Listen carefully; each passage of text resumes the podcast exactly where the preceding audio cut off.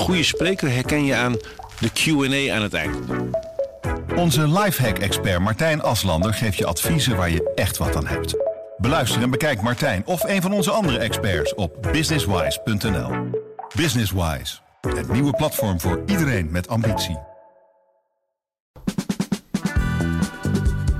Dit is de podcast Politiek Dichtbij. Met Tobias Dan Hartog en Rick Bolt. Ja, je hoort hem wel, maar Thomas is er een weekje niet en ik mag hem vervangen. Wat een week vol versoepeling, gejuich en campagne-hosanna had moeten worden, werd een week vol bommen en granaten. Van een gaaf land op maandag naar een invasie in Oekraïne op donderdag. Om die kluwen weer een beetje te ontrafelen praat ik met Tobias den Hartog en Hans van Zoest, allebei politiek verslaggever. En ook schuift Bob van Uwet van de buitenlandredactie aan over de situatie in Oekraïne. En laten we dan meteen maar met het voornaamste nieuws van de week beginnen. Uh, de situatie in Oekraïne. Bob, we nemen dit op op uh, vrijdagmiddag 25 februari, rond een uur of elf. Hè. De situatie, of de, de ontwikkelingen zijn, gaan zo hard dat we het er maar even bij zeggen. Uh, voor de mensen die dit over drie weken luisteren of ja. Nou ja, morgen. Um, wat is de situatie op dit moment in Oekraïne? Nou, even heel, heel snel hoe, hoe het ging. Hè. We hadden de, de eerste dag waarop uh, Poetin aanviel. En toen uh, kwamen er van Russische kant allerlei verhalen. Oké, we hebben de, de luchtafweer uh, uitgeschakeld. En toen leek het nou, allemaal heel kort te gaan duren. op de tweede dag zien we dus beelden van luchtafweer die dan zou zijn uitgeschakeld, maar die doet het kennelijk nog steeds. En uh, we krijgen ook steeds meer berichten over uh, Russische tanks die op weerstand uh, stuiten, of van de grenspolitie of van het Oekraïnse leger. En nu het laatste, dus as we speak, is dat um, er Russische soldaten al in Kiev zouden zijn, of in ieder geval vlakbij zouden zijn. en die zouden zich dan richten op parlementsgebouwen en daar zit denk ik toch wel de, de clue van het hele verhaal. Uh, dat de Russen uit zijn op een, uh, een, een, andere regering. Ja, ja. Bob, Bob, in hoeverre is dit de fog of war? He, de, de, nevel van, van, van conflicten met nepberichten over succes aan de ene kant en nederlaag aan de andere kant. Ja, nou ja, precies. Dat, dat, is, uh, dat, dat weten we dus niet. Hè. Als de Russen zelf al melden dat, uh, dat de, de, de, de luchtafweer van de Oekraïne is uitgeschakeld en er is, ik geloof vannacht, een Russisch vliegtuig uh, neergehaald. Ja, wie heeft dat dan gedaan? Weet je, dat klopt niet helemaal. Meer van dat soort dingen op, op internet, social media, krijg je allerlei filmpjes van alle kanten.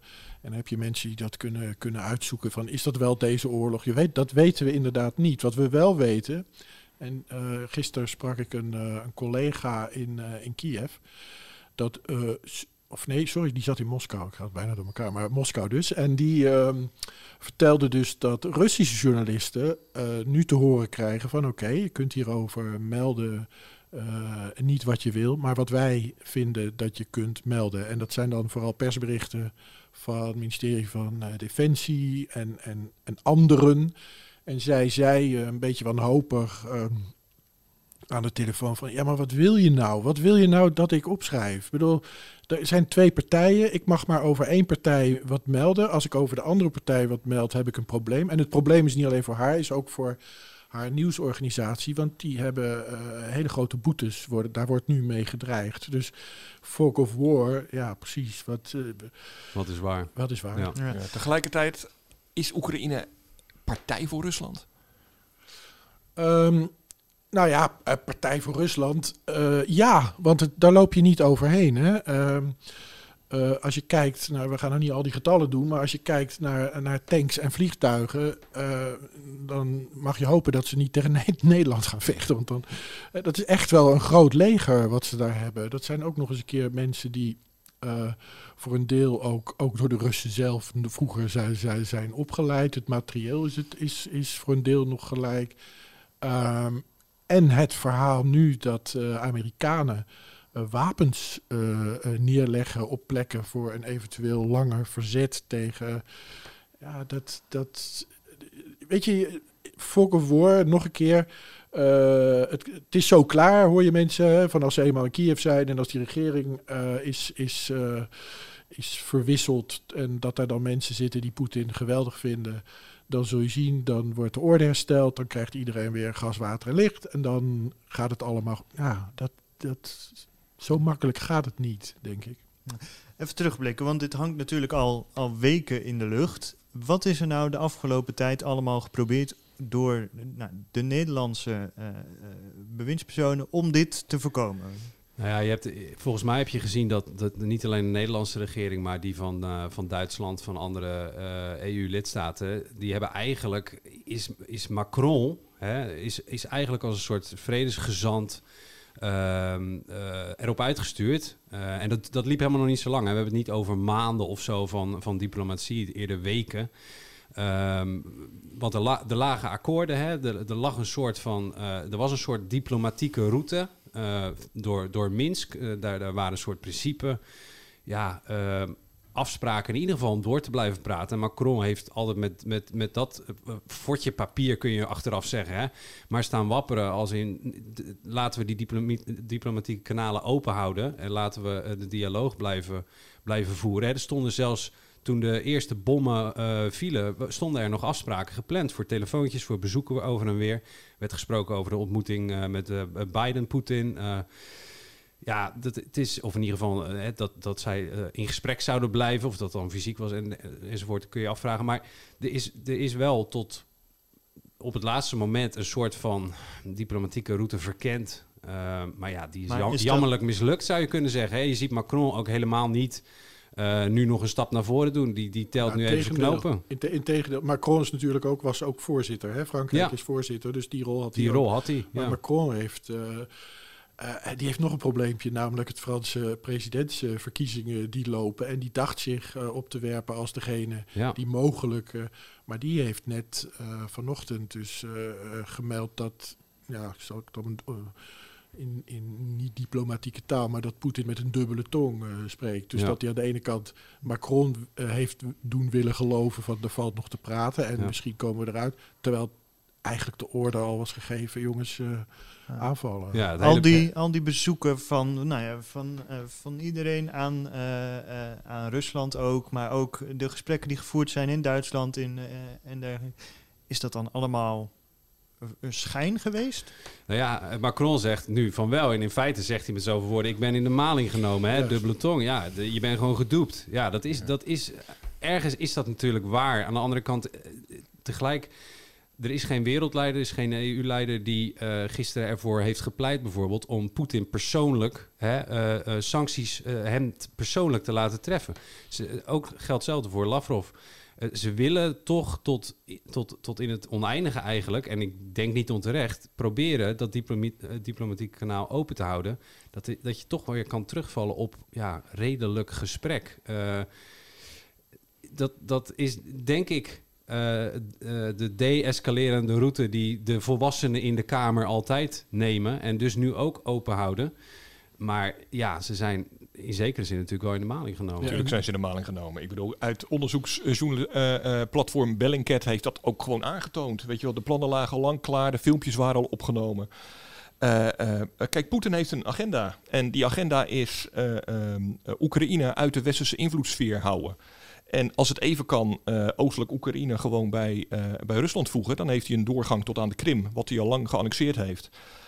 Uh, ja, en dat zit al heel lang in zijn hoofd. Ja, en uh, we weten niet wat er nog meer in zijn hoofd zit. Laten we hopen niet nog meer, want uh, uh, in Moldavië en in de Baltische Staten wonen ook grote Russische minderheden. die die ja, misschien wel onder een mom van vredesmissie wil gaan helpen tegen het nazisme, zoals hij het noemt. Ja. Ja. Dat, dat, vind ik, gisteren... dat vind ik, zo, vind ik ook wel bijzonder hoor, wat, wat, wat Hans net zegt. Ook alles is bekend, alles is bijna uitgetekend. En in de laatste, laatste weken werden dat, ja was het bijna too much. Toen ging Biden zeggen hoe laat hij ging aanvallen en waar en wie en wat allemaal, weet je. Maar dat, dat klopt gewoon. En dat, dat heeft allemaal te maken met, en dat is voor ons lastig, de mindset van Poetin is toch een hele andere dan die wij hebben. Poetin is iemand die komt uit het, uh, uit het verleden. Poetin is iemand die heeft gezien hoe, dat, hoe de Sovjet-Unie in elkaar donderde.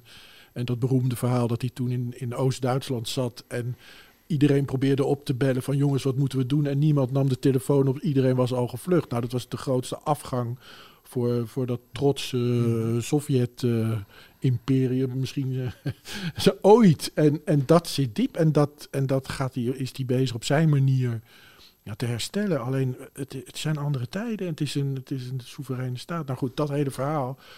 Uh, maar je hebt te maken met iemand die echt een hele andere belevingswereld heeft. En dat is een probleem, heel groot probleem nu. Ja, gisteravond uh, waren de EU-leiders bijeen, hebben ze een nieuw pakket sancties afgesproken. Wat zijn die, die sancties die de EU nu treft tegen de Rusland en Poetin? Ja, je, je, kon het een beetje in een uurtje tijd kon je het zien ontvouwen. Hè? Het begon met Johnson in het parlement van, uh, uh, van het WK. Dat is logisch, hè? Is geen EU meer. Dus die moet zijn eigen dingen, zijn eigen zaakjes regelen. Dan heb je, je had een treintje, je had Johnson... Uh, Biden en tenslotte de EU. En ze proberen allemaal een klein beetje op dezelfde lijn te komen. Want ja, uh, als, als de ene wel sancties doet en de ander niet, dan wordt, hè, dan wordt, wordt dat het kanaal waar, uh, waar Rusland in gaat opereren. Die gaat natuurlijk precies de ruimte pakken die, die er is. dat sanctiepakket is, ja, heb je even, want dat is echt een waslijst. als je alles bij elkaar optelt, denk ik dat er nu zo'n 600 Russen, en dat zijn dan met name de parlementariërs hè, in de Duma, uh, die zijn op, op zwarte lijsten gezet. Hun bezittingen zijn bevroren, mogen niet meer reizen, mogen niet meer handelen enzovoort. Dat geldt ook voor een aantal rijke Russen in de kliek rond Poetin. Hè. Uh, ga maar eens naar Londen en loop daar door de straat uh, Kensington Palace enzovoort. De helft van het vastgoed daar is van rijke Russen. Als het goed is, zijn die villa's nu vakant. Hè. Die komen binnenkort op de woningmarkt. Dat is het idee in ieder geval. Daarnaast worden er ja, export verboden. Hè. Je mag bepaalde dingen die bijvoorbeeld voor, voor, de, voor de defensie tak van Rusland kunnen worden gebruikt, mogen wij niet meer daarheen sturen. Hè? Dat, daar heeft Nederland ook best last van. Wij, maken wel eens handige spulletjes voor dat soort uh, dingen. Uh, Duitsland trouwens ook. Uh, maar dat zijn ongeveer de sancties. Eén ding wat er niet in lijkt te gaan zitten en wat heel veel mensen wel willen, is de zogenoemde nucleaire optie. Dat moet je niet overdrijven hoor. Dat wordt nu wel een soort wondermiddel voorgesteld. Maar je hebt het bankaire stelsel in de wereld draait op SWIFT. Dat is een soort ICT-systeem. Dat maakt 38 miljard betalingen per dag mogelijk. Hè? wij sturen elkaar een tikkie. Nou, zo moet je dat ongeveer zien op, op de grote schaal. Uh, daar zit Rusland in. Die kun je eruit knikkeren. Dat is bijvoorbeeld met Iran en met Noord-Korea gedaan.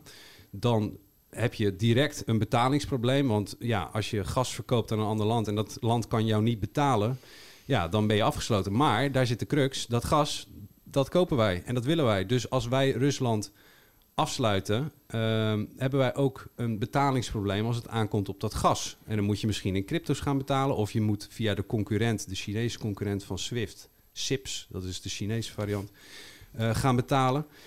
Ja, dat raakt dus de EU ook. En je zag dat Biden hè, minder afhankelijk van gas uh, voor wat betreft Rusland. Je zag dat de VK minder afhankelijk van gas voor wat betreft Rusland dat die zeggen, nou, uh, SWIFT lijkt me een prima plan. En de EU is terughoudend, want ja, wij hebben dat gasprobleem. We zijn het, is ook niet voor, ja, het is ook niet voor niks dat vooral Duitsland uh, hiervoor ging liggen. Hè? Want ja. Nederland had het best gewild, zei Nederland Rutte van tevoren. Wel, zei Rutte. Wij zijn voor ongeveer 15 tot 20 procent afhankelijk ja. van Russisch gas. En dat kunnen we nog wel een tijdje opvangen met wat voorraden die we hebben. Maar Duitsland heeft een acuut probleem als het zou gebeuren. En dus Italië. En Italië is niet te onderschatten inderdaad. Dus ja, nee, je ziet dat daar gaan uh, lidstaten op de rem staan. En ja, als er geen consensus is, wordt het niet gedaan. Dus ik denk dat het vanmiddag wordt het sanctiepakket bekend dat het er niet in gaat zitten. Nee, Bob, ligt, ligt Poetin hier nou wakker van? Is het nou, uh, ligt hij trillend in zijn ja, bed? Nee, nee, nee, die, tuurlijk ligt hij hier wakker van.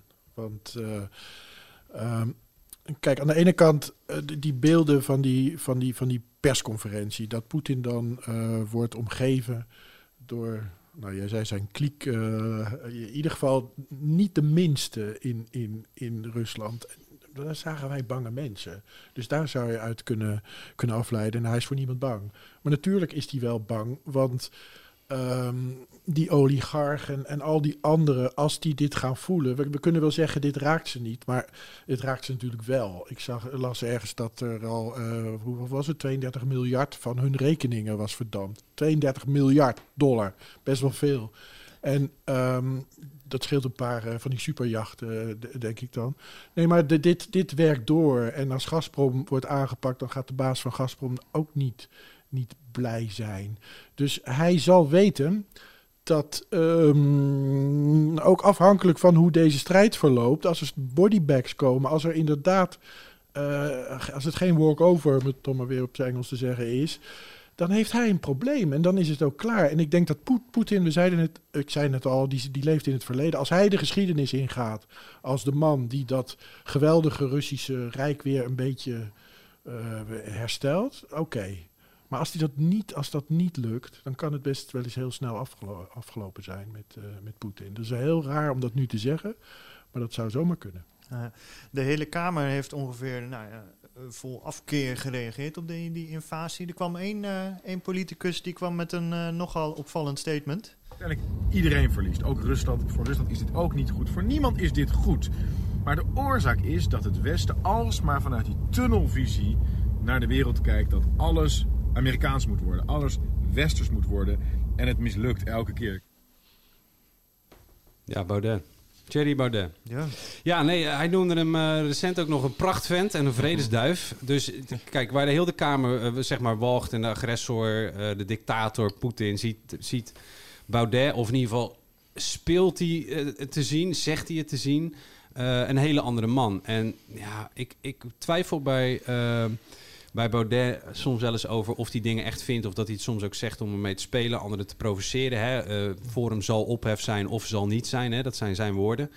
Bij Rusland is dat misschien wel wat anders. Hij heeft wel een pro-Russische koers, zeg maar. Heel al- Forum voor Democratie is uit een pro-Russische koers ontstaan nou, in natuurlijk. ieder geval dat, Ja. dat Oekraïne-referendum. Maar de, de, de, de, de, echte, de echte liefdesverklaringen aan, aan eh, Poetin... Nou, die klinken nu eh, die klinken al, al langer, ja. En ja, ik, ik, vind, ik vind het ingewikkeld. Ik moest het filmpje twee keer zien om het te begrijpen überhaupt. dat want was het ook was een weer... heel raar verhaal over heel- Rusland en Ja. Canada. En, Hij, hij knoopt een heel, heel aantal zaken Hij knoopt aan er van alles aan vast. Want hij zegt ook meteen: kijk, Rusland is het land van de vrijheid. Weet je wel, kijk hoe zij met corona zijn omgegaan. Nou, eh, eh, ik weet niet of Thierry Baudet eh, een beetje in de gaten heeft. eh, wat eh, in Rusland allemaal is aan maatregelen is geweest de afgelopen twee jaar om corona te bestrijden. Die gingen veel verder dan hier. Ja.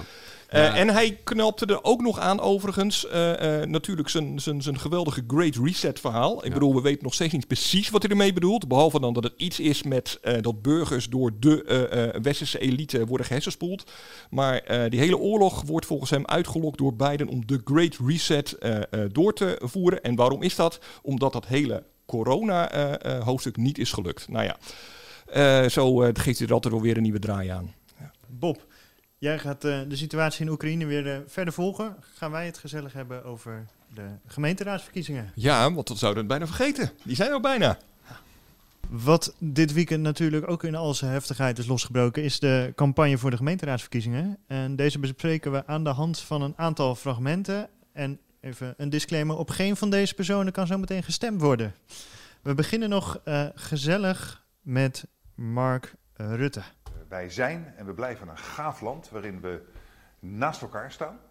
Eh, maar het is wel een land waarin we in die afgelopen paar jaar elkaar ook bijna letterlijk fysiek eh, zijn kwijtgeraakt. Eh, omdat we gewoon niet bij elkaar konden komen, niet dingen samen konden vieren. Dus in die zin moet Nederland weer Nederland worden. En daar heb ik heel veel vertrouwen in. Ja, Tobias, jij had dit interview zaterdag met, met Rutte. En ik denk dat hierna meteen de handen op elkaar gingen om in heel politiek Den Haag om eh, deze oproep voor eh, verbinding. Nou, volgens mij stond het artikel om een uurtje of zes in de ochtend online. Hè, en dan ligt eh, in de krant op de mat. En volgens mij hadden Hans en ik om drie uur ongeveer een stuk op de website al dat eh, hoon en eh doodse stilte hem Ja. deel was gevallen in Den Haag. Ja, en wa- waar ook een reden voor is, overigens. Kijk, want het is namelijk niet voor het eerst dat aan het begin van een campagne Mark Rutte deze kaart eh, speelt. Dat doet hij al een aantal verkiezingen. Het vaasje, op een- ja, weet je wel, eh, eh, een, een, breekbaar vaasje. Laten we er zuinig op zijn met z'n allen. Eh, laten we het land over aan de schreeuwers of aan de doeners. Eh, weet je wel, Eh, elke campagne weer eh, speelt hij de kaart van jongens, hè, eh, eh, stem op mij. Ik ben het redelijke midden. Nederland is een land in beweging. Er is heel veel ruzie en, en, en onmin en polarisatie. Jongens, zo komen we niet verder. Hè. Die oproep bij de vorige Kamerverkiezingen nog ging het zelfs helemaal niet over de inhoud van wat er met Nederland naartoe ging. Ging het eigenlijk vooral van laten we samen hè, uit de crisis komen. En dat is heel lastig voor andere partijen om daar tegenin te gaan. Waarom? Ja, je kunt, er niet, het, je kunt het er niet mee oneens zijn. Je kunt moeilijk zeggen van ja, nee, laten we lekker ruzie gaan maken met elkaar. En dat voelen die andere politieke partijen ook, die politieke leiders.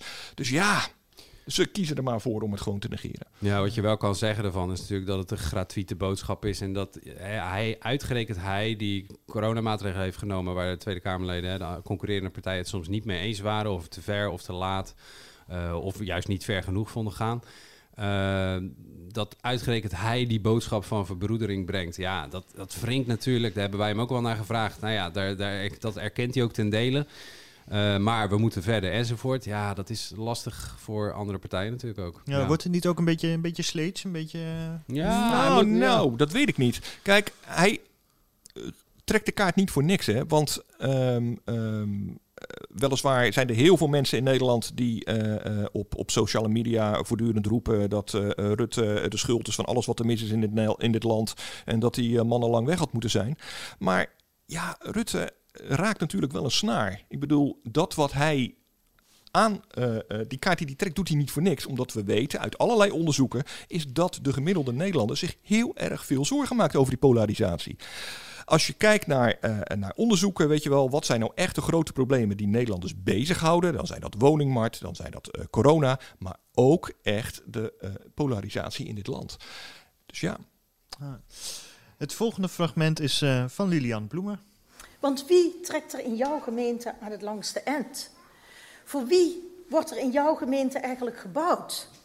Wie heeft het in jouw gemeente eigenlijk voor het zeggen? Van wie is jouw stad? Van wie is jouw dorp?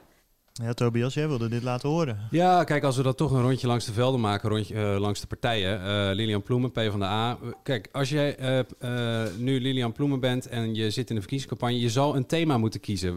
De, de, je moet zien dat je de, de kiezers over krijgt om op, op je te stemmen. Dus moet je ook een onderwerp claimen waarvan mensen denken, oké, okay, dan ben ik bij jou goed thuis. En Hans zei het al, woningbouw ja. en de tekorten is een enorm thema. Dus grijpt de PvdA van de A, wiens kiezers ook echt in de uh, uh, hoek zitten waar de minste huizen te verkrijgen zijn.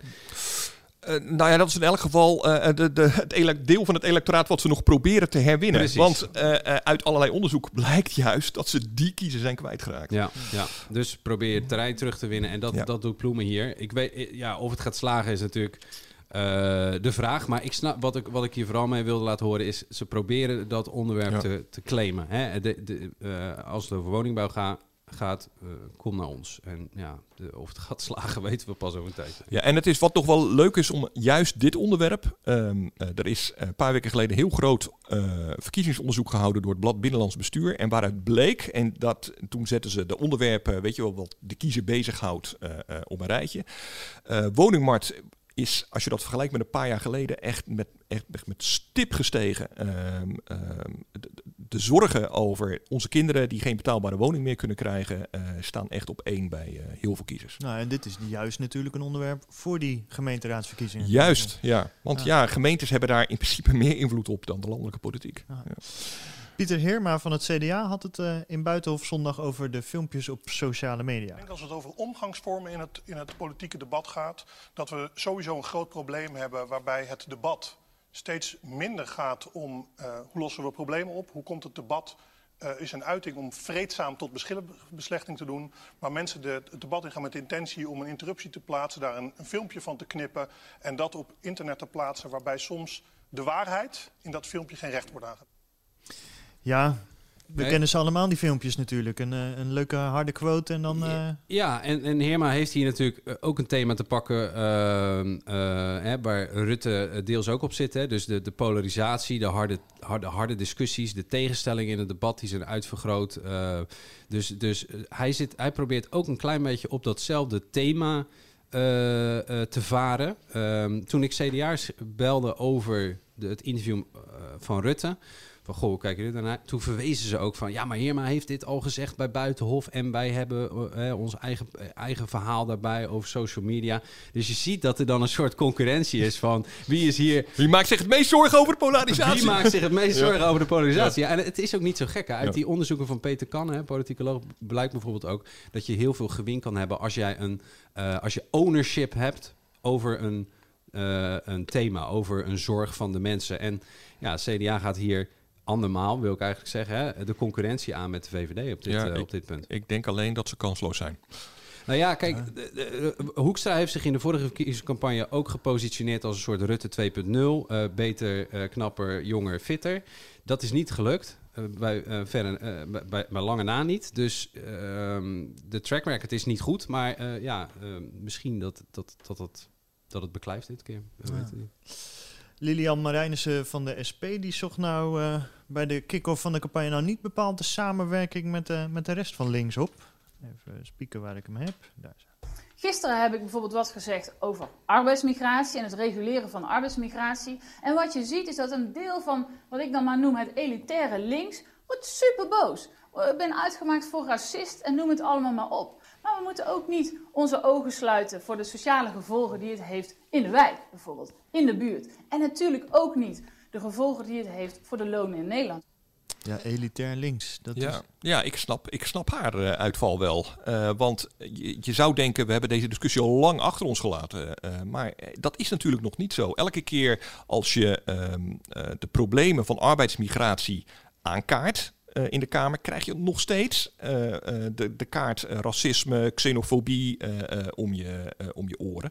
En ja, de SP maakt zich hier al sinds de jaren tachtig druk om, om de uitwassen van arbeidsmigratie. En daar hebben ze natuurlijk gewoon een punt. Kijk, we hadden het net even over Lilian Ploemen, die, die kiezers kwijt is geraakt. En al die, juist in die wijken waar het zo lastig is om een betaalbare woning te vinden. Dat heeft ook een reden. Ja, en ehm, je zou verwachten eh, dat, dat juist linkse partijen eh, eh, wat meer zouden opkomen voor de mensen die in die wijken wonen. Maar ja, die zijn ze toch echt kwijtgeraakt aan de PVV. En het is wel interessant, want Marijnissen heeft een, heeft een tijdje, heeft naar mijn idee, Hans, maar corrigeer me, eh, gedaan alsof die problemen met die arbeidsmigranten, alsof dat niet speelt. De- dat Ja, verdween helemaal naar de achtergrond. Dat klopt, omdat, en dat was omdat ook binnen de SP eh, eh, en een tijd lang een soort van richtingenstrijd was van jongens, hoe hard gaan we op dit migratiethema eh tamboureren? Eh, er was een deel van de SP. Kijk, van oorsprong is de SP eh, kritisch over arbeidsmigratie. Ehm, eh, dat, dat werd een tijdje eh, eh, werd het een beetje binnen de partij ook ter discussie gesteld. Want je, je had ook een wat meer liberale vleugel. Maar ja, Lilian Marijnis gaat eigenlijk weer een beetje terug naar de roots. Waarmee de SP groot is geworden. Ehm, eh, kijk naar ehm, eh, de wijken in, in, in elke grote, middelgrote stad. En je snapt waar ze het over heeft. Eh, je ziet heel veel buitenlandse nummerborden. eh, je ziet Poolse supermarkten. ehm, ehm, ja, en mensen die kijken daarnaar en die zeggen... ja, hallo, ehm, en waar moeten wij nog wonen? Ja, nou, dat zagen we afgelopen jaren telkens links eh, elkaar gezellig opzoeken. Ik bedoel, de samenwerking tussen Hm. de Partij van de Arbeid Ja. en SP en Ja. GroenLinks, dat werd innig eh, op een gegeven Nou moment. ja, Maar- de SP had zich daar eigenlijk vorig jaar al min of meer een beetje van eh, eh, gedistanceerd. Ja. Hè? Waar, waar Klaver en Ploemen eh, hand in hand de formatie in gingen, eh, had zij die hand al losgelaten. Maar dan is het toch heerlijk als je nu als Marijnissen kan zeggen... ja, dat elitaire links met hun woke... en een café latte drinkende... eh, eh, eh, achter het laptopraampje links zitten doen. Ik bedoel, ik snap ook wel dat, dat, dat dit is Ja. een hele fijne... Het is, een, het is een mooi frame. Ja, Ja. Ah, ja. Ja, het gaat erin als koek. Ja. Althans bij haar eigen achterban. Ja, ja. Wie het eh, niet helemaal gezellig maakte, dat was eh, Geert Wilders bij WNL op zondag. Hij reageerde als volgt op de beschuldiging eh, van het CDA dat hij zou polariseren. Weet je wat polariseren is? Polariseren is als je 1 miljoen mensen, kiezers, bij voorbaat buitenspel zet. Polariseren is als je mensen zonder corona toegangsbewijs een paar jaar lang niet aan het maatschappelijke leven laat deelnemen. Ja, dit is classic Wilders. Hè? Ehm, jij zegt niet gezellig. Nou, dat is precies wat hij wil. Hij wil dat het schuurt. De, de, even ter illustratie. Ik weet, we zijn eh, verhuisd natuurlijk met de Tweede Kamer. En ik ben niet meer in zijn werkkamer geweest. Maar in zijn oude werkkamer bij Wilders. Zwaar beveiligd enzovoort. Maar het is geen geheim. Daar hangt een portret van Churchill. Heel groot. Hij is fan van die, van die Engelse politiek. En de Engelse stijl van politiek. En bij die Engelse stijl van politiek hoort keiharde eh, oppositie. En dat is ook dus wat hij doet. Hij is eh, de vertolker van eh, alles wat ontevreden is of niet goed is aan Nederland.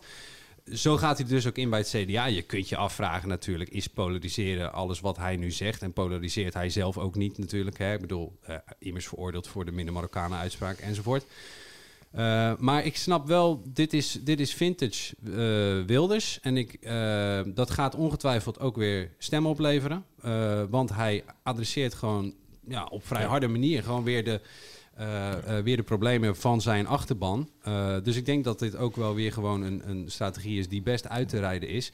Eh, maar in de toon is dit natuurlijk, ja, het is, het is heel afwijkend van de anderen. En ik denk dat, dat hij deze lijn gaat hij gewoon in één streep doortrekken naar 16 maart. Zoals hè. we, het net hadden, zoals we het net hadden over eh, eh, Mark Rutte, die al jarenlang eigenlijk dezelfde campagne voert. Dat geldt natuurlijk ook voor Geert Ja, Wilders. hij de positivo en Wilders de... Ja, maar zo leuk is het allemaal niet. Eh, Hoezo Ja. gaaf land. En tegelijkertijd de onderdog spelen van kijk eens, eh, eh, iedereen sluit me buiten. Ja. Ja. En Nou ja, wat dan, dan weer de vraag, wordt dat ook niet een beetje sleets?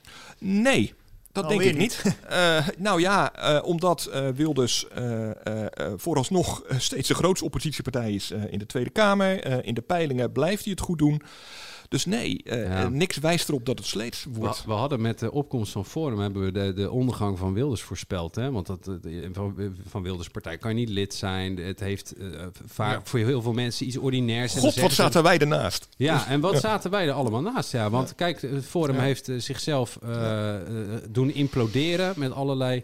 eh, met, met. Met, met de gekte eigenlijk die, Ja. die rond Baudet zich ontspon. En, en er zijn mensen uitgestapt. Nou ja, de PVV... eh, eh, kijk, Wilders heeft gewoon gezegd... ik hou mijn blik op de horizon. Ik Ja. doe, blijf doen wat ik doe. En we zien wel of het goed komt. En hij, heeft, hij is nooit in die val getrapt, eh, ehm, eh, zoals Baudet, om juist in dat complotwereldje eh, te proberen stemmen te winnen. Daar heeft hij zich altijd juist van afgezet. En ik denk dat juist zijn achterban dat heel erg kan waarderen. Ja, maar je hoort hem de afgelopen tijd ook wel steeds harder, harder gas geven in de, in de debatten, toch? nou ja, je- hij is misschien wel kritisch op het coronabeleid. Maar hij is niet eh, van de man die gelooft dat eh, eh, 5G eh, eh, wordt ingespoten. Dat er een gr- great reset komt. eh, Maar eh, ja, ja, dat is waar. Maar dat corona niet bestaat. Nee. Qua toonhoogte is hij wel... Hij, is- hij leeft nu in een andere wereld dan toen hij zei... eh, doe normaal man, tegen Rutte. En Rutte terug zei, eh, doe zelf normaal. Dat was toen heel opzienbarend. Maar daar kijkt nu eigenlijk niemand meer van op. Want hij wordt, hij wordt aan alle kanten ingehaald door eh, mensen die elkaar mafkees en idioot noemen. En met tribunalen dreigen, wat, wat er Wilders overigens eh, eh, ook doet. En altijd bij zegt, dat zei ik als eerste. Hè, maar ja, om maar, te, om maar te illustreren dat hij dus nu moet vechten om zeg maar, die, die opspraakkaart te, trekken, te kunnen Ja. trekken. Ja, dat is, dat is wel veranderd, vind ik.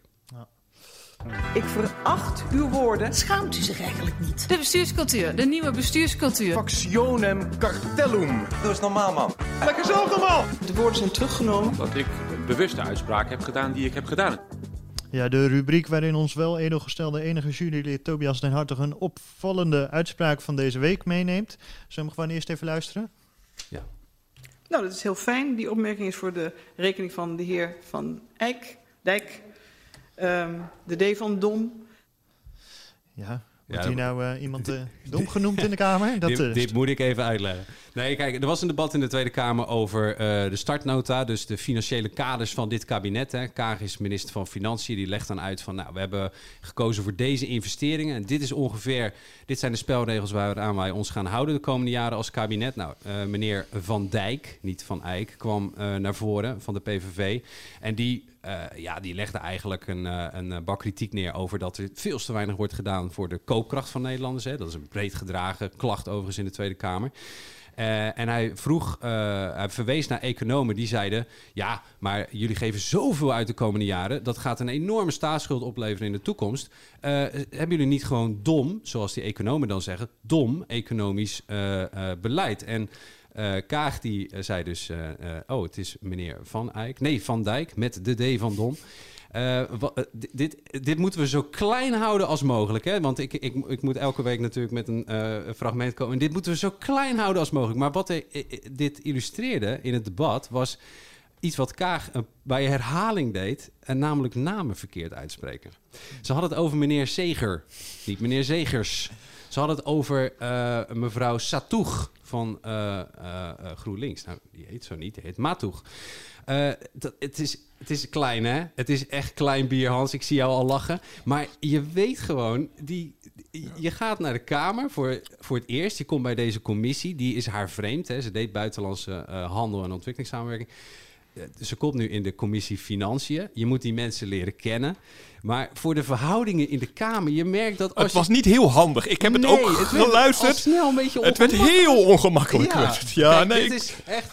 Ik bedoel, dit is allemaal kleinbieren en, en allemaal volwassen mensen. Maar je merkt gewoon, als, dat, dat, dat wekt een beetje vrevel. En dan komt ze ook nog eens met een economisch pakket waar, waar de Kamer eigenlijk ja, Nou niet ja, super enthousiast ja, over is. Sterker nog, dat economisch pakket. ehm, dat was daar had Van Dijk natuurlijk wel een punt. Kijk, dit kabinet zit eh, eh, met zijn vingers tussen de deur. Eh, we hebben een regeerakkoord hebben ze afgesproken heel veel geld uit te geven. Zoals Kaag zelf zei, weet je wel, ongeveer het maximale wat, wat nog verantwoord is. En sinds dat eh, pakket is eh, eh, afgesproken, komen de ene naar de andere tegenvallen komt binnen. De economische groei gaat tegenvallen, voorspellen economen nu al door de oorlog in Oekraïne.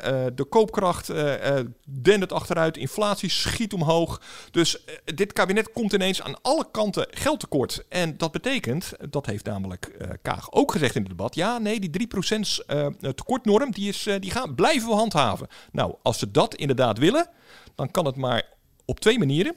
Eh, als je dat echt wil. Of eh, je gaat de belastingenvink omhoog eh, gooien. Maar dat kan niet, want iedereen is daar tegen. Want de koopkroeg moet... of je moet ergens op gaan bezuinigen. En dat is nou net iets wat haar eigen partij niet wil. Want dat zou betekenen dat die miljardenpakketten voor klimaat en voor onderwijs... misschien wel weer ter discussie komen te staan. Dit wordt nog een robbertje vechten in de coalitie de komende twee maanden. Wordt gezellig de komende tijd. Dus het was toch wel fijn om eens een keertje een, eh, een podcast te hebben zonder, eh, zonder corona, toch? Oh, heerlijk ja. Ja, dat is bijna niet gelukt. Ongelooflijk, Ja. we zijn het al helemaal vergeten bijna. Dat is raar. Ja. Dat is vandaag eh, hè, de, de, de laatste grote, of de één na laatste grote stap voor de versoepelingen. Gaan jullie nog eh, helemaal los dit weekend? Of, eh? Ja, nu mag het en dan gaan we niks doen. Dat is Ja. ook suf, hè? Ja, joh, ik voel me een hele oude man ineens. Ja. Ga maar stappen, Hans. Ja.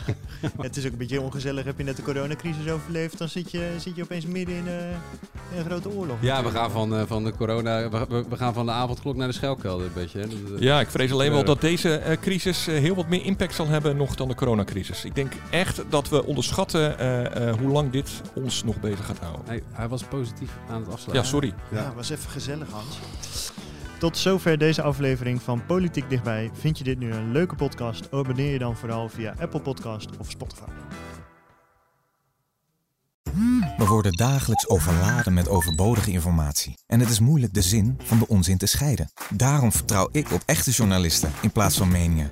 Een krantenmens heeft het gemakkelijk. Word ook een krantenmens en lees je favoriete krant nu tot wel zes weken gratis. Ga snel naar krant.nl. Bezorging stopt automatisch en op deze actie zijn actievoorwaarden van toepassing. Een goede spreker herken je aan de Q&A aan het eind.